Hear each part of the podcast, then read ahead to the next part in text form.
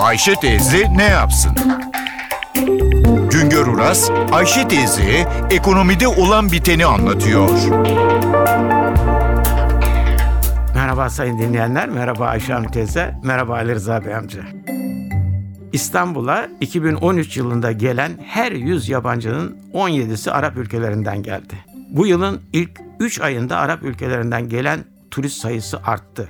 Arap ülkelerinden gelen turist sayısı artışında başı çeken ülkeler Libya ve Suriye. Suriye'de terörden kaçarak İstanbul'a gelenlerin önemli bir bölümü turist sayılıyor ve bunun içinde Suriye'den gelen turist sayısının arttığını söylüyoruz. Ama dikkati çeken Libya'dan gelenler.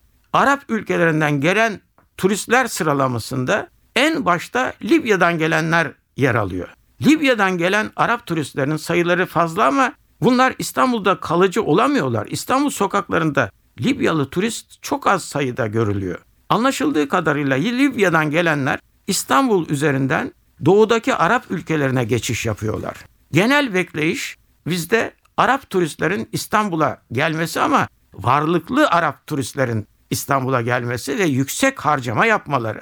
Varlıklı ülkelerden Suudi Arabistan'dan gelen turistler 3. sırada ama Birleşik Arap Emirlikleri'nden gelenler 10. sırada, Kuveyt'ten gelenler 11. sırada yer alıyor. 2013 yılında Libya'dan 68 bin, Suriye'den 44 bin turist gelirken Birleşik Arap Emirlikleri'nden gelen turist sayısı sadece 9 bin. Katar'dan gelen turist sayısı sadece 5 bin oldu. Bir başka bekleyiş sağlık turizmi için Arap ülkelerinden daha fazla turistin gelmesi. Türkiye'de gelişen kaplıca turizminin ve sağlık tesislerin Arap ülkelerinden turist çekmesi, varlıklı turist çekmesi bekleniyor.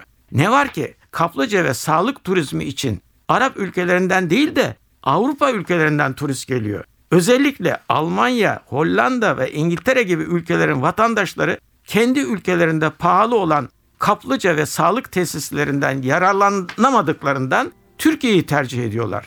Türkiye çevresindeki Arap ülkelerindeki çalkantılar devam ettikçe İstanbul'a Arap ülkelerinden gelen turist sayısının artacağı anlaşılıyor. Ama bir gerçek var. Arap ülkelerinden gelenlerin harcama gücü Avrupa ülkelerinden gelenlerin harcama gücünün çok çok altında. Bir başka söyleşi de birlikte olmak ümidiyle şen ve esen kalınız sayın dinleyenler.